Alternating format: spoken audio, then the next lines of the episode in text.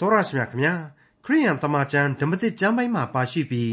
ထာဝရရှင်မြတ်စွာဘုရားသခင်ရဲ့တန်ရှင်းသောဝိညာဉ်တော်မှုတ်သွင်းတော်မူခြင်းအပြင်တမန်တော်ကြီးရှင်ဘောလူစီရင်ရေးသားတဲ့ယောမဩဝါဒစာကိုတင်ပြရသောတမန်ကျန်အစီအစဉ်မှာလေ့လာခဲ့ကြပြီးတဲ့နောက်ခရိယန်တမန်ကျန်ဓမ္မဟောင်းကျမ်းပိုင်းတွေကဣသရမှတ်စာကိုစတင်လေ့လာသွားမှာဖြစ်ပါတယ်။ဣသရမှတ်စာကိုထာဝရရှင်မြတ်စွာဘုရားသခင်ရဲ့တန်ရှင်းသောဝိညာဉ်တော် ပုတ်သွင်းတော်မူခြင်းအပြင်ပရောဖက်ဣဇရာကရေးသားခဲ့ပါတယ်။ဣဇရာဟာဖျားရှင်ရဲ့အသုံးပြုတော်မူခြင်းဖျားရှင်ရဲ့နှုတ်ကပတ်တော်ကိုအနာဂတ်လူသားတို့ပိုးပြီးစနစ်တကျလေ့လာနိုင်အောင်ဆောင်ရွက်ခြင်းတို့အတွက်ဖျားရှင်အသုံးပြုတော်မူခဲ့တဲ့ပုဂ္ဂိုလ်ကြီးတစ်ပါးဖြစ်ပါတယ်။ထာဝရရှင်မြတ်စွာဘုရားသခင်ရဲ့အဆိုအမိန့်နှုတ်ကပတ်တော်ကိုအလေးအနက်ထားခြင်းအခြေခံအဖြစ်ခံယူထားခြင်းမိမိကိုမိမိတန်ရှင်းစင်ကြယ်ခြင်းဆိုတာတွေဟာခရိယန်တွေရဲ့ ဝိညာဉ်ရေးအသစ်တဖန်ရှင်သန်နိုးကြခြင်းအတွက်အရေးအကြီးဆုံးအချက်ကြီးတွေဖြစ်ကြတယ်ဆိုတာကိုထပ်မံဖော်ပြချက်နဲ့အတူ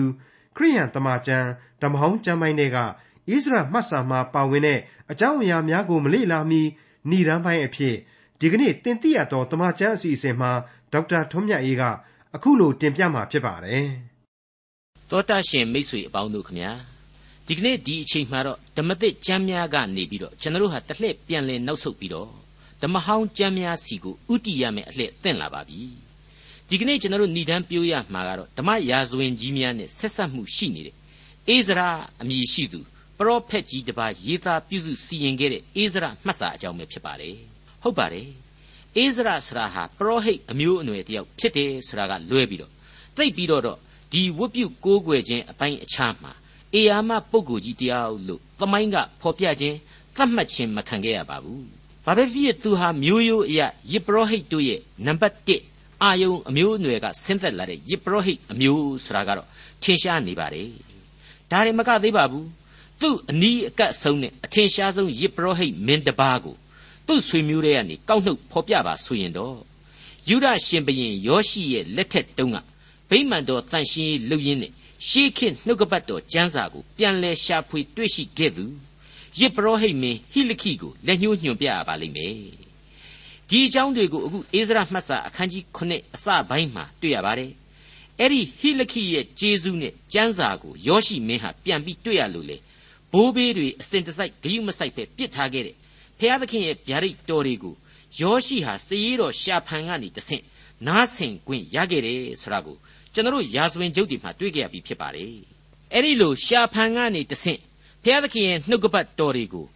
ဘိုးဘေးအစဉ်အဆက်မေ့ပြောက်ထားရကနေပြီးတော့ယောရှိဟာသူ့လက်ထက်ကျမှပြန်လဲကြားရရောတကယ်ကိုယ့်ရဲ့ဝတ်ယုံကြီးကိုဆွဲဆုပ်ပြီးတော့အကြီးအကျယ်သွေးလီတွေခြောက်ချသွားခဲ့ရတယ်ဆိုတာကိုမိษွေတို့မေ့အောင်မထင်ပါဘူးအဲ့ဒီထင်ရှားခဲ့သူပရောဟိတ်ဟိလခိကနေပြီးတော့တိုက်ရိုက်ဆင်းသက်သူဆိုတော့သမိုင်းကြောင်းအရာအခုအိဇရမှတ်စာကိုစီစဉ်ရေးသားသူအိဇရဟာမဆိုးလှဘူး သူ့နေရာနဲ့သူကပီးတင်ရမယ်လူတော်လူကောင်းတယောက်ဆိုတာကိုကျွန်တော်မှန်းဆနိုင်လောက်ပါတယ်အခု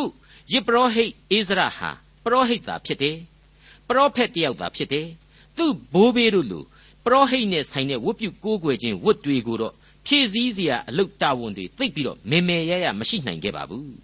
ဘာဖြစ်လို့လဲဆိုတော့ဣသရေလဆိုတာဟာကျွန်ဖြစ်ပြီးတော့သူတို့ရဲ့နိုင်ငံကိုစွန့်ခွာခဲ့ရသလို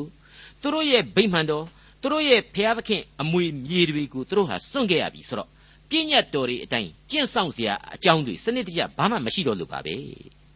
သူတို့စမှာတဲတော်လည်းမရှိနိုင်တော့ဘူးဗိမာန်တော်ဆိုတာလည်းမရှိနိုင်တော့ဘူးလေအဲ့ဒီခေတ်ကာလဟာပြည့်ညတ်တော်အချိန်ကာလဖြစ်တယ်မဟုတ်ဘူးလားဒါတွေဟာသူတို့ရဲ့ဝတ်ပြုကိုးကွယ်ခြင်းမှာအထူးသဖြင့်လိုအပ်တဲ့အရာတွေ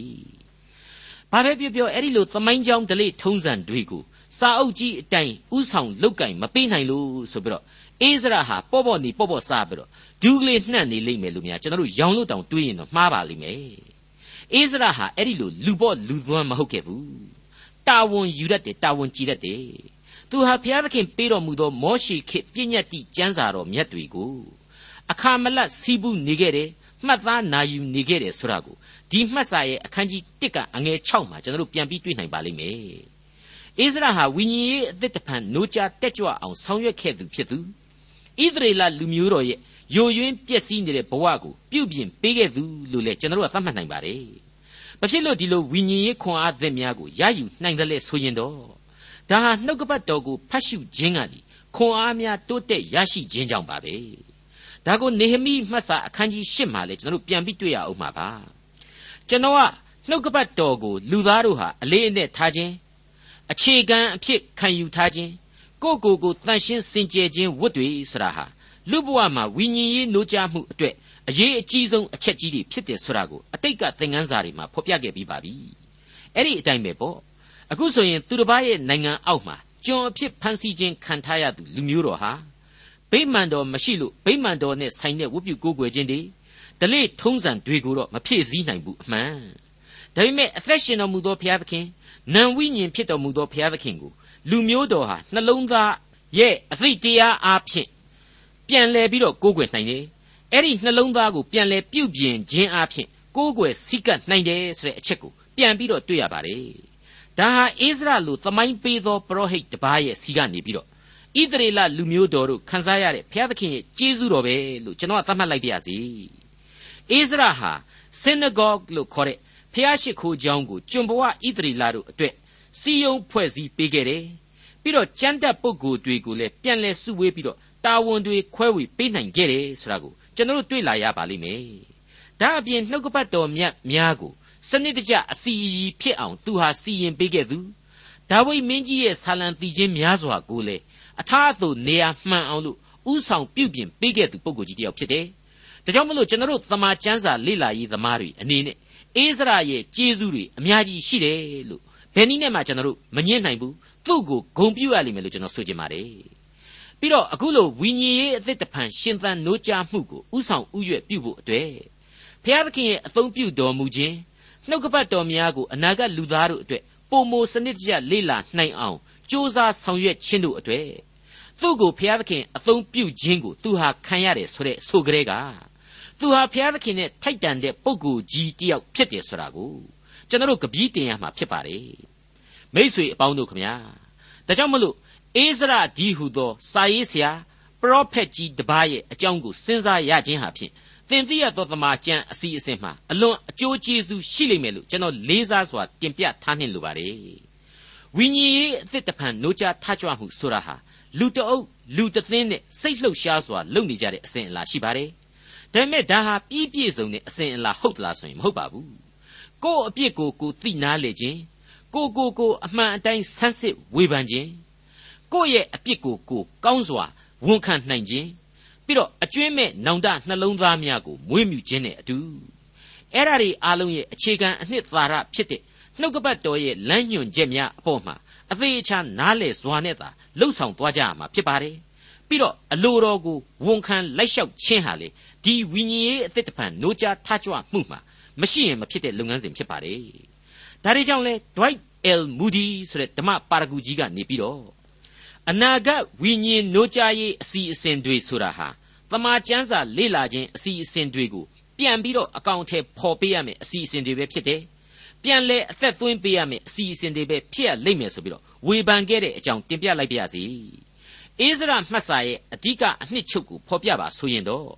ထာဝရဘုရားသခင်ရဲ့အမိန့်မှတ်တမ်းများလို့ပဲကျွန်တော်တို့ကဆိုရမှာပါ။ဒီမှတ်စာဟာအလွန်တရာမှရှည်လျားတယ်လို့မဆိုနိုင်ပါဘူး။ဒါပေမဲ့ဘုရားသခင်ရဲ့အမိန့်တော်များကိုတိုက်ရိုက်ဖော်ပြတဲ့အပိုင်းအခြားများကိုနေရာ10နေရာမှာတွေ့ရပါတယ်။ဒါတွေကိုအခန်းကြီး1နဲ့3တို့ရဲ့အစနားတွေမှာတွေ့ရပါတယ်။ပြီးတော့အခန်းကြီး6ရဲ့အငယ်14 18တို့မှာလည်းဆက်ပြီးတွေ့နိုင်ပါတယ်။ဒါအပြင်အခန်းကြီး9ရဲ့အငယ်6 10နဲ့14တို့မှာလည်းဆက်ပြီးတွေ့နိုင်ပါသေးတယ်။ အဲ့ဒီလိုပါပဲအခန်းကြီး9အငယ်4နဲ့အခန်းကြီး10အငယ်3နဲ့5တို့မှာလည်းတွေ့ရမှာဖြစ်ပါတယ်။အဲ့ဒီလိုဘုရားသခင်ရဲ့ဗျာဒိတ်တော်အသံတွေရဲ့အသက်ဝင်ရှင်သန်ခြင်းဆိုတာကိုတော့ဣသရေလလူမျိုးတော်တို့ရဲ့လက်တွေ့အသက်တာများကနေရောင်ပြန်ဟပ်ပေါ်လွင်သွားစေမှာဖြစ်တယ်လို့ကျွန်တော်ကြိုတင်ဖော်ပြထားခြင်းပါတယ်ဟုတ်ပါတယ်လူမျိုးတစ်မျိုးရဲ့ယုံကြည်ကိုးကွယ်မှုလူမှုရေးစီးပွားရေးနိုင်ငံရေးတို့ဆိုတာတွေဟာ ဒီလူမျိုးရဲ့ဘုရားသခင်အပေါ်မှာထားရှိတဲ့သဘောတရားအမြင်ဒီလူမျိုးရဲ့နှလုံးသားယုံကြည်ခြင်းဆိုတာတွေကိုအစဉ်အမြဲရောင်ပြန်ဟပ်ဖော်ပြစမြဲပဲလို့ကျွန်တော်တင်ပြလိုက်ပါရစေအိစရာမှတ်စာရဲ့သောကျက်ကြသောကျမ်းပိုက်ကိုရွေးချယ်ပေးပါလို့များကျွန်တော်ကိုခိုင်းမယ်ဆိုရင်တော့ကျွန်တော်ဟာအိစရာမှတ်စာအခန်းကြီး9အငယ်4နဲ့အခန်းကြီး10အငယ်3တို့ကိုရွေးချယ်သတ်မှတ်ရပါလိမ့်မယ်အနှစ်ချုပ်အားဖြင့်ကတော့လူမျိုးတော်သည်ဘုရားသခင်နှုတ်ကပတ်တော်များကြောင့် ကြောက်ရွံ့တုန်လှုပ်လျက်ရှိကြ၏ဆိုတဲ့အချက်ပဲဖြစ်ပါတယ်ဒီနေရာမှာသမိုင်းပညာရှင်တူဦးဖြစ်တဲ့ဒေါက်တာ James M Gray ဆိုတဲ့ပုဂ္ဂိုလ်ကြီးရဲ့မှတ်ချက်တစ်ခုကိုကျွန်တော်ကိုးကားခြင်းပါတယ်သူကအိစရာမှတ်စာဟာဆိုရင်လူမျိုးတော်ကိုနောင်တတရားအကျွင့်မဲ့မရရှိသေးပေမယ့်ပြန်လဲစုယုံညီညွတ်မှုရှိသောလူမျိုးတော်အဖြစ်ဖော်ပြခဲ့တဲ့မှတ်စာတစ်ခုဖြစ်တယ်လို့ဖော်ပြထားပါတယ်အခုအိစရာမှတ်စာကိုဖတ်ရှုခြင်းအဖြစ်ကျွန်တော်တွေ့လာရမယ့်အချက်ကတော့ လူမျိုးတော်ကိုပါရှားနိုင်ငံဘရင် Cyrus ဟာဣသရေလနိုင်ငံကိုပြန်ပြီးတော့ဗိမာန်တော်ကိုတိဆောက်ဖို့ခွင့်ပြုတယ်။တနည်းအားဖြင့်ပြည့်ညတ်တော်ကာလနဲ့ရှင်ပြီးတော့ပြည့်ညတ်တော်ကာလရဲ့စကားအသုံးအနှုန်းနဲ့ပြောရမယ်ဆိုရင်တော့ဘုရားသခင်ရဲ့အရေးအာဝါသစီကိုပြန်စေတယ်။အဲ့ဒီအခွင့်အရေးကိုဂျူးလူမျိုး9000လောက်ဟာခံယူပြီးတော့ဣသရေလနိုင်ငံကိုပြန်ခဲ့ကြတယ်ဆိုတာတွေကိုတွေ့ရမှာဖြစ်ပါတယ်။လူမျိုးတော်ရဲ့သမိုင်းဝတ္ထုတွေဟာဖြင့် အိစရာမှတ်စာအဖြစ်တပိုင်းတကန်တပြီးပြည့်စုံသွားရတယ်လို့ကျွန်တော်ဆိုချင်ပါတယ်။အဲ့ဒီလိုပြောလို့လူမျိုးတော်ရဲ့သမိုင်းဟာအိစရာနဲ့အပီးအပြတ်ပြည့်စုံသွားသလားလေ့လာဖို့အရှင်းမလိုတော့ဘူးလားလို့ဆိုရင်တော့လေအဲ့ဒီလိုဒုံတိကျွန်တော်တို့သတ်မှတ်လို့မရနိုင်ပါဘူး။အခြားအခြားသောကြမ်းပြိုင်တွေပေါင်းမြောက်များစွာနဲ့ထိမ့်ညှိလေ့လာသွားရမှာတွေအများကြီးရှိနေလို့ဖြစ်ပါတယ်။ဒီတော့အိစရာမှတ်စာဟာသမိုင်းတကွေအထီတော့ပြီးပြည့်စေသောကြမ်းတစုလို့ခံယူရမှာဖြစ်ပါတယ်။ ပြေဝစုံလင်ခြင်းအကျွင့်မဲ့ရှိတယ်လို့တော့ကျွန်တော်တို့ပြောလို့မရပါဘူးကျွန်တော်ရာဇဝင်ကျုပ်ဒုတိယစာဆောင်ကိုဖတ်ရှုလေ့လာခဲ့တုန်းကဏီကုန်းကျုပ်မှာတောင်ဘက်ဣတရီလသို့မဟုတ်ယူဒတို့ဟာနှစ်ပေါင်း80ကြာသည့်တိုင်အောင်ကျွန်ဘဝနွန်တွင်းကိုသက်ဆင်းသွားခဲ့ရတယ်လို့ကျွန်တော်တို့လေ့လာခဲ့ရပါတယ်အဲ့ဒီလိုကျွန်ဘဝကိုဆင်းသက်ရပြီဆိုတာနဲ့ဣသရေလရဲ့အသံပလံတွေဟာအကုန်လုံးတိတ်ဆိတ်ငြိမ်သက်ကြသွားရပါတယ်အဲ့ဒီလိုတိတ်ဆိတ်ငြိမ်သက်ကြသွားရကနေမှတခါ အခုယစ်ပရောဟိတ်အိစရလက်ထက်ကြမှာပဲပထမဦးဆုံးအကြိမ်အနေနဲ့အသံပလံပြန်ပြီးထွက်လာတယ်လို့ကျွန်တော်ဆိုနိုင်ပါလိမ့်မယ်အခုအိစရဝတ္ထုရဲ့အပါအဝင်ကျွန်ခင်နှောင်းပိုင်းသမိုင်းစာအုပ်ဟာစုစုပေါင်း၃ခုရှိပါတယ်အိစရမှတ်စာနေဟမိမှတ်စာနဲ့အိသရဝတ္ထုတို့ပဲဖြစ်ပါတယ်အဲ့ဒီလိုပါပဲကျွန်ခင်နှောင်းပိုင်းအနာဂတ်ကျမ်းတွေလေစုစုပေါင်း၃ခုရှိနေပါတယ်အဲ့ဓာတွေကတော့ဟက်ဂဲအနာဂတ်ကျမ်းဇာခရိအနာဂတ်ကျမ်းများနဲ့ မာလခိအနာဂတ်ကျမ်းတွေပဲဖြစ်ပါတယ်အခုအိစရာဆိုတဲ့ပုဂ္ဂိုလ်ဟာပရောဟိတ်အမျိုးအနွယ်ဆိုတာကိုကျွန်တော်တို့သိရပြီသူနဲ့အတူတူပြိုင်တွဲဖက်သူကတော့နေဟမိဆိုသူဖြစ်ပါတယ်နဟိမိယပေါ့သူကတော့သာမန်ဣသရေလအညတရတယောက်ဖြစ်ပါတယ်ဒါပေမဲ့ပါရှားနန်းတော်အတွင်းမှာအရာရှိတယောက်လည်းဖြစ်ခဲ့ပါတယ်တနည်းအားဖြင့်တော့ဘာယီပရောဟိတ်ဘာကြမ်းတက်ပုဂ္ဂိုလ်ကြီးမှမဟုတ်ခဲ့ပါဘူးသူတို့နှစ်ယောက်စလုံးတို့ဟာယေရုရှလင်မြို့တော်ကြီးနဲ့ ဗိမာန်တော်သစ်ပြန်လဲတိဆောက်တာကိုပါဝင်လှုပ်ဆောင်စေဖို့အတွက်ဘုရားသခင်စေစားခြင်းခံခဲ့ရတဲ့လူတွေလို့လဲဆိုရင်မမှားပါဘူးဒီတော့အရှင်သခင်သုံးလို့သာဓမ္မတုံးကနေထက်လာတဲ့သူတို့ရဲ့အရေးပါအရာရောက်တဲ့အပိုင်းတွေကိုကျွန်တော်ဟာနှုတ်ကပတ်တော်ရဲ့ဖြစ်ရက်တွေအပေါ်မှာရိုးရိုးရှင်းရှင်းကလေးပဲပေါ်လွင်နေတယ်သိသာနေတယ်လို့ပဲကောက်ချက်ချနိုင်ပါလိမ့်မယ်ကျွန်တော်ပြောဘူးသလိုပေါ့ဖိုးလာမင်းလဲသူ့အစင်းနှင့်အလင်းနှင့် မိအိမ်ငယ်လဲသူ့အရွယ်နှင့်အဆွဲနှင့်ဆိုသလိုဒီပုံကိုတွေဟာသူတို့အပိုင်းအခြားနဲ့သူတို့အရေးရောက်ခဲ့ကြတယ်လို့ကျွန်တော်မှတ်တမ်းပြုလိုက်ပါရစေနှောင်းပိုင်းဟက်ဂဲနဲ့ဇာခရီဆိုတဲ့ပုဂ္ဂိုလ်ကြီးတွေဟာလေအတူတကွလှုပ်ရှားသက်ဝင်ခဲ့ကြပါတယ်သူတို့ဟာဗိမာန်တော်တိဆောက်သူဣသရေလတွေကိုတိုက်တွန်းအားပေးခဲ့သူပုဂ္ဂိုလ်တွေဖြစ်ပါတယ်ဖျားသခင်ရဲ့အလိုတော်နဲ့အညီဝိညာဉ်ရေးဘိုင်းမှာခွန်အားဖြည့်ဆည်းပေးခဲ့သူပုဂ္ဂိုလ်တွေဖြစ်ပါတယ် ဟက်ဂဲဆိုတာဟာအတော်လက်တွေ့ကြတဲ့လူတော်တယောက်ဆိုတာကိုကျွန်တော်သက်ဆိုင်ရာအပိုင်းအခြားတွေကိုရောက်ရင်အမခန်းလိလိကျွန်တော်တွေ့လာကြရမှာပါအဲ့ဒီလိုဗိမာန်တော်ကြီးကိုတိဆောက်ပြုပြင်ကြရတယ်ဆိုတာဟာအလွန်ကြီးကျယ်တဲ့လုပ်ငန်းဖြစ်ပြီးတော့ဘုရားသခင်အပေါ်မှာလူမျိုးတော်ရဲ့ကြီးညိုလေးစားခြင်းစိတ်ဓာတ်ကအခြေခံပြီးတော့လုပ်ရတဲ့လုပ်ငန်းတော်မြတ်လို့ဆိုရမှာပါဟက်ဂဲဆိုတဲ့ပုဂ္ဂိုလ်ဟာအဲ့ဒီကိစ္စတွေမှာအလွန်စိတ်အားထက်သန်တယ်လို့လက်တွေ့ကြတဲ့ခေါင်းဆောင်တယောက်အနေနဲ့ ဥလေမသုံယုံကြည်မပြည့်တိကျလေးနဲ့စွာဆောင်ရွက်သွားခဲ့တယ်တုံးတိုက်တိုက်ကြားကြိုက်ကြိုက်ဇွတ်သမားဆိုတဲ့ပုံစံကိုလေဟက်ကဲရဲ့အသက်တာမှတ်တမ်းများဟာသူ့အပိုင်းအခြားရောက်လို့ရှိရင်ကျွန်တော်မြင်သာထင်သာရှိအောင်ပေါ်လွင်အောင်ဖော်ပြသွားပါလိမ့်မယ်ဇာခရီဆိုတဲ့ပုဂ္ဂိုလ်ကြတော့အဲ့ဒီလိုမဟုတ်ဘူးသူကအုံနှောက်သမားပေါ့အတွေးခေါ်သမားပေါ့အဲ့ဒီလိုပြောလို့ကျွန်တော်ကစိတ်တစယောဂတဲ့ဝေဒနာကြီးတယောက်ဖြစ်ပြောတာမဟုတ်ဘူးနော်အဲ့ဒီဇာခရီရဲ့ခေါင်းဟာ ကောင်းကင်ဆန်တဲ့အိမ်မက်မှာရှိနေတဲ့ညံနဲ့အုံနှောက်နဲ့ခေါင်းမျိုးပဲဒီတော့ဟဟက်ဂဲဆရာဟာမြေမှာအခြေစိုက်ပြီးတော့အလုပ်တွေလုပ်တယ်ဇာခရိဆိုတဲ့ပုဂ္ဂိုလ်ကတော့ဟက်ဂဲနဲ့ဆန့်ကျင်ဘက်ယူပါယုံတွေနဲ့ရှင်သန်နေသူလို့ပြောရင်ရနိုင်ပါလိမ့်မယ်ဥပမာပေးရမယ်ဆိုရင်တော့ဇာခရိဟာ imagination လို့ခေါ်တဲ့အတွေးတစားဆင်းတဲ့နေရာမှာအလွန်ကျွမ်းကျင်တယ်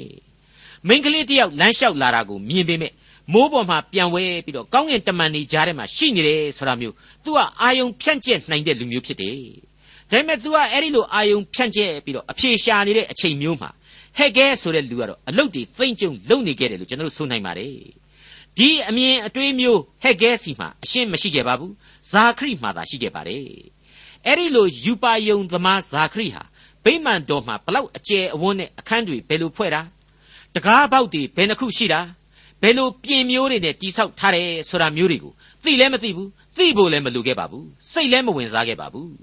အဲဒီတော့ဒီနေရာမှာထည့်ပြောတဲ့နာတွေရှိလာပါတယ်ကျွန်တော်ကဟက်ဂဲနဲ့ဇာခရီအကြောင်းအခုလောက်ရှည်ရှည်ဝေးဝေးထည့်ပြောနေရတာဟာကျွန်တော်တို့အခုလေ့လာရတော့မယ်အိစရာမှတ်စာဏိဒန်းနဲ့ဘာဆိုင်လို့တုံးဆိုပြီးတော့မေးစရာရှိပါတယ်ဆိုင်ပါတယ်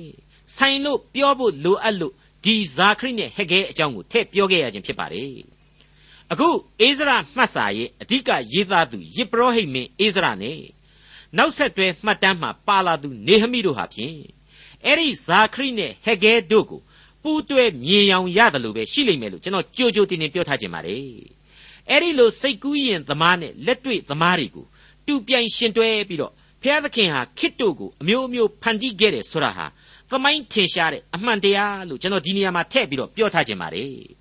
ဒါကြောင့်မလို့ဟက်ဂဲအနာဂတိကျမ်းဇာခရိအနာဂတိကျမ်းဆိုတာတွေ့ကိုအခုအိဇရမှတ်စာနဲ့ရှင်တွဲပြီးဖတ်ရင်ပို့ပြီးတော့ရသပြည့်စုံနိုင်မယ်လို့ကျွန်တော်ဆိုချင်ပါတယ်။ဘာဖြစ်လဲဆိုရင်ဒီကျမ်းတွေအကုန်လုံးဟာအသစ်တီဆောက်တဲ့ဗိမာန်တော်အရေးအာဝါသတစ်ခုတည်းရဲ့အောက်မှာပြုစုထားတဲ့ကျမ်းတွေဖြစ်နေလို့ပါ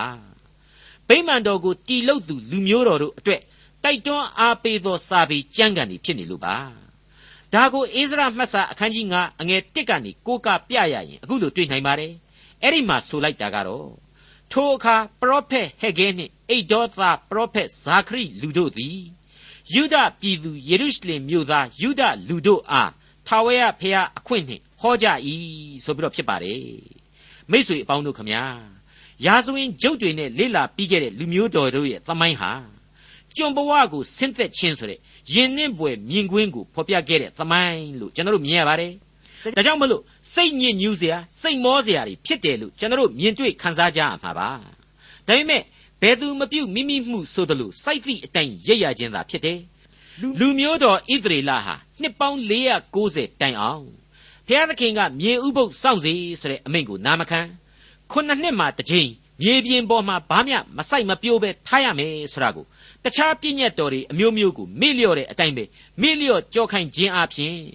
နှစ်490မှာခုနှစ်နှစ်တစ်ကြိမ်နှုံးနဲ့တွက်ကြည့်ရင်အနှစ်80တိတိမြေဥပုပ်ကိုမဆောင်ခဲ့ကြဘူးတနည်းအားဖြင့်ဥပုပ်ပြက်ခဲ့ကြတယ်ပေါ့တနည်းအားဖြင့်မြေကြီးကိုနှစ်80တိတိအနာမပေးခဲ့ကြဘူးအဲ့ဒါကြောင့်မလို့ဘုရားသခင်ကနေပြီးတော့ဒီဥပုပ်တွေကိုပြက်ကွက်ခဲ့တဲ့လူမျိုးတော် ဒီမြေကိုအနှစ်80တိုင်တိုင်စွန့်ခွာပြီးတော့ဒီမြေကြီးကသူ့ဘာသူဥပုပ်စောင့်စေဆိုပြီးတော့အမိန့်ချခဲ့တာပဲဘလောက်ထူးဆန်းတယ်လေဖျားသခင်ရဲ့ဘုန်းတော်ဟာဘလောက်ကြီးမားတယ်လေဒီဣသရေလရဲ့အသက်မဲ့တဲ့မြေကြီးဟာသူ့ဟာသူဥပုပ်ကိုအနှစ်80စောင့်စေဆိုပြီးတော့ဖျားသခင်စီရင်ခဲ့တယ်ဆိုတာကိုကျွန်တော်အကြိမ်ကြိမ်ရှင်းပြခဲ့ပြီးပါပြီအခုတကြောပြန်ထပ်မံရှင်းပြရခြင်းဖြစ်ပါတယ် ဖျားသခင်ရဲ့ကြီးမားလှသောဘုံတကူအာနုဘော်တော်နဲ့စီရင်ခြင်းများဟာဘလောက်အထိတာသွားပြီးတော့အတိတ်ပဲရှိတယ်ထိရောက်တယ်ကြောက်เสียကောင်းလောက်အောင်စူးနှင့်စေတယ်ဆိုတာကိုကျွန်တော်ယုံကြည်သူတွေဟာအစဉ်တစိုက်သတိရဖို့လေတိုက်တွန်းနှိုးဆော်လိုက်ပါရစေ။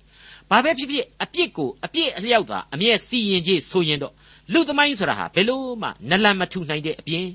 လူသားတို့ကိုဘုရားသခင်ကိုယ်တိုင်နှင်းအပ်ခဲ့တဲ့ဝိညာဉ်တွေဟာလေအပယ်ငရဲကလွဲပြီးတော့ ဘယ်ကိုမှမလွတ်နိုင်တာကိုဘုရားသခင်သိတော်မူတယ်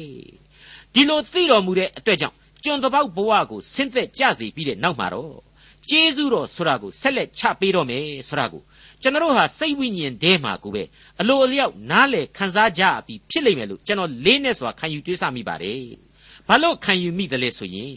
ဓမ္မသမိုင်းကာလတစ်လျှောက်လုံးမှာဒီလိုပဲဘုရားသခင်ဟာအပြည့်နှောင်ဖွဲ့တဲ့လူဘဝသမိုင်းတစ်လျှောက်လုံးမှာ ကျေးဇူးတော်နဲ့သာလျှင်ပြန်လဲပတ်ရစ်ခဲ့ယူထုံးစံရှိတယ်မဟုတ်ဘူးလားအခုဒီအကြောင်းတွေကိုအခုအေးစရမှတ်စာကနေပြီးတော့ကျွန်တော်တို့ဟာထင်ရှားတဲ့သက်သေများအဖြစ်ထပ်မံခန်းစားကြရတော့မှာဖြစ်ပါတယ်အချင်းချုပ်ကတော့ဂျေဇုတော်ဤထင်ရှားသောသက်သေများဤအလှည့်ပြန်လေရောက်ပြန်ပြီဆိုတဲ့အချက်ပါပဲအခုအေးစရမှတ်စာမှာဆိုရင်အဓိကအပိုင်းအခြားကြီးနှစ်ခုနဲ့ကျွန်တော်တို့ပိုင်းခြားလေ့လာနိုင်ကြမှာဖြစ်ပါတယ်ပထမအပိုင်းကတော့ဘာဘူးလုံနိုင်ငံရောက်ကျွန်များဘဝမှဣသရီလာတို့ဟာ ဇေရုလဘေလဆိုတဲ့ပုဂ္ဂိုလ်ဥဆောင်ပြီးတော့ပြန်လဲလွတ်မြောက်လာကြတဲ့အကြောင်းကိုပထမအခန်းကြီး6ခုအတွင်းမှာတွေ့ရမှာဖြစ်ပါတယ်အဲ့ဒီအခန်းကြီး6ခုရဲ့အတွင်းမှာလွတ်မြောက်လာသူတွေဟာလူ9000လောက်ရှိမှာဖြစ်ပါတယ်ဒီနောက်မှာတော့ကြံတဲ့အခန်းကြီး9ကနေ10အတွင်းမှာအေးစရဥဆောင်တဲ့အဖွဲ့ဟာထပ်မံပြီးလွတ်မြောက်လာရပါလိမ့်မယ်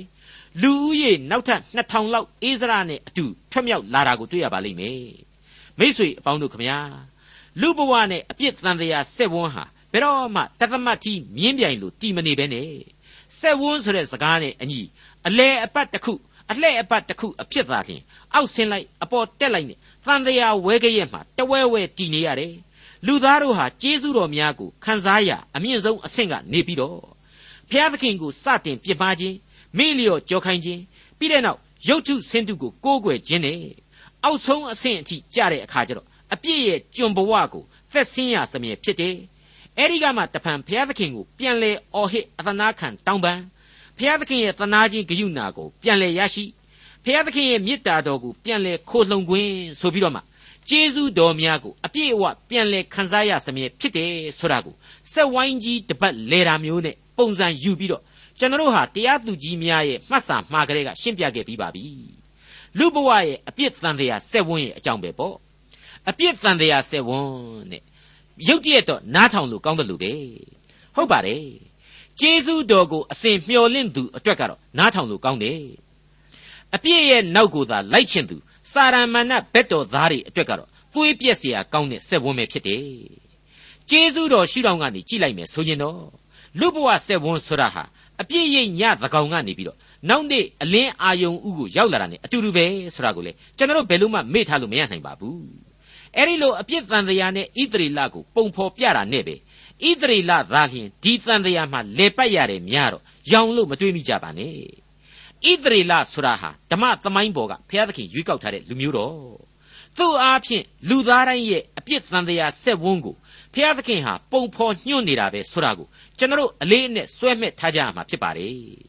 ဒီအချက်မှန်တယ်မမှန်ဘူးဆိုတာကိုတော့အိစရာမှတ်စာရဲ့အစမှာ ကျွန်ဘဝအတွင်သက်ဆင်းခဲ့ရသူဣသရေလတို့အကြောင်းကိုအခုလိုဖွဲ့ဆိုလိုက်ခြင်းအပြင်ကျွန်တော်အတွက်အဖြေပေးလိုက်တယ်လို့ပဲဆိုပြရစီအိစရာမှတ်စာအခန်းကြီး1အငယ်1နဲ့2ယေရမိဆင့်ဆိုသောထာဝရဘုရား၏အမိန့်တော်ကိုပြည့်စုံစေခြင်းဟာပေရတိရှင်ဘရင်ကုရုနန်းဆန်ပထမနှစ်တွင်ထာဝရဘုရားနှိုးဆော်တော်မူသောအဖြစ်ထိုရှင်ဘရင်သည်အမိန့်တော်စာကိုဖတ်ပြီးလျှင်ပေရတိနိုင်ငံအရရတို့၌ကြော်ညာ၍ ပေရတိရှင်ဘရင်ကုရုမင်းမိန့်တော်မူသည်ကား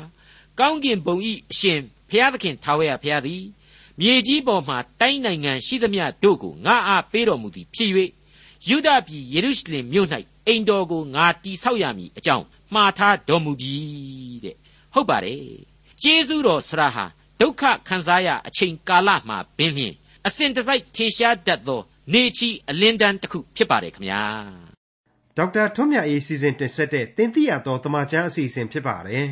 နောက်တစ်ချိန်အစီအစဉ်မှာခရိယန်တမချန်း